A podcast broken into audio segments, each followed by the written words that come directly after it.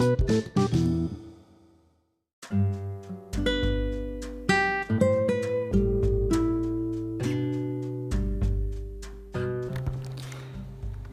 ini adalah hari di mana gue harus pulang ke kota Tambun.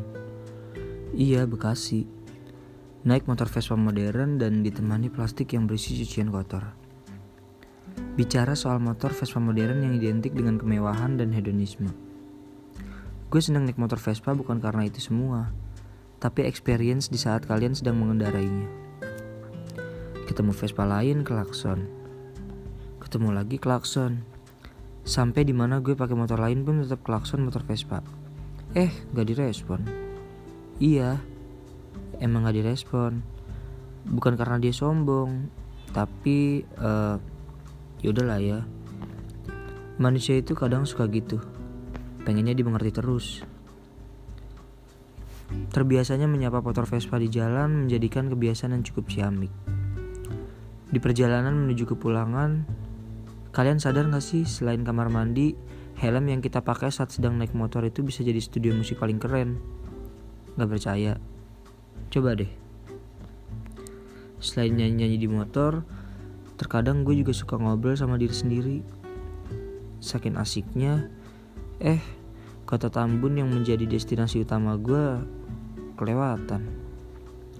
Kesel, ada sih sedikit, tapi gak apa-apa Seenggaknya gue bisa lebih lama ngobrol sama diri sendiri.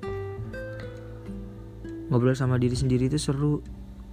Gak ada yang bisa interupsi kalian ketika kalian ngomong. Bukan hanya temen. Terkadang diri sendiri juga bisa kok jadi pendengar yang baik. Tanpa harus takut cerita itu bakal nyebar ke mana. Bicara tentang cerita, pasti kalian pernah kan penasaran banget sama seseorang. Sampai-sampai dihakimin teman sendiri mereka semua tahu kalau nggak bisa. Mungkin lebih tepatnya susah. Tapi kalian tetap memaksakan. Dan di situ kadang kita cuma bisa diem. Kita juga tahu kok maksud mereka baik. Sedetail apa pun kita cerita ya tetap aja kita yang ngerasain. Kalau ditanya kenapa nggak sama ini, kenapa nggak sama itu, ya karena orang itu bukan dia. Ibarat kata dia itu seperti jurang dan gue adalah orang yang lagi jatuh ke jurang tersebut. Boro-boro buat minta tolong. Orang jurangnya juga jauh dari pemukiman. Gak tahu dia bakal nyaman atau enggak. Kalau emang udah gak nyaman, nanti gue bakalan berusaha buat manjat ke atas kok.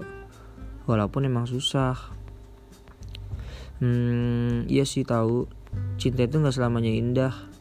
Ada yang datang lalu menghilang, ada juga yang dikira pantas lalu pergi tanpa membekas, Bahkan ada juga yang hati-hati tapi tetap kok malah patah hati.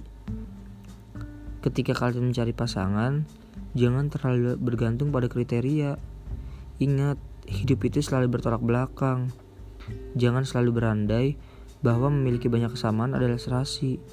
Padahal cinta itu saling melengkapi, bukan mencari kesamaan yang gak perlu lagi diperbaiki.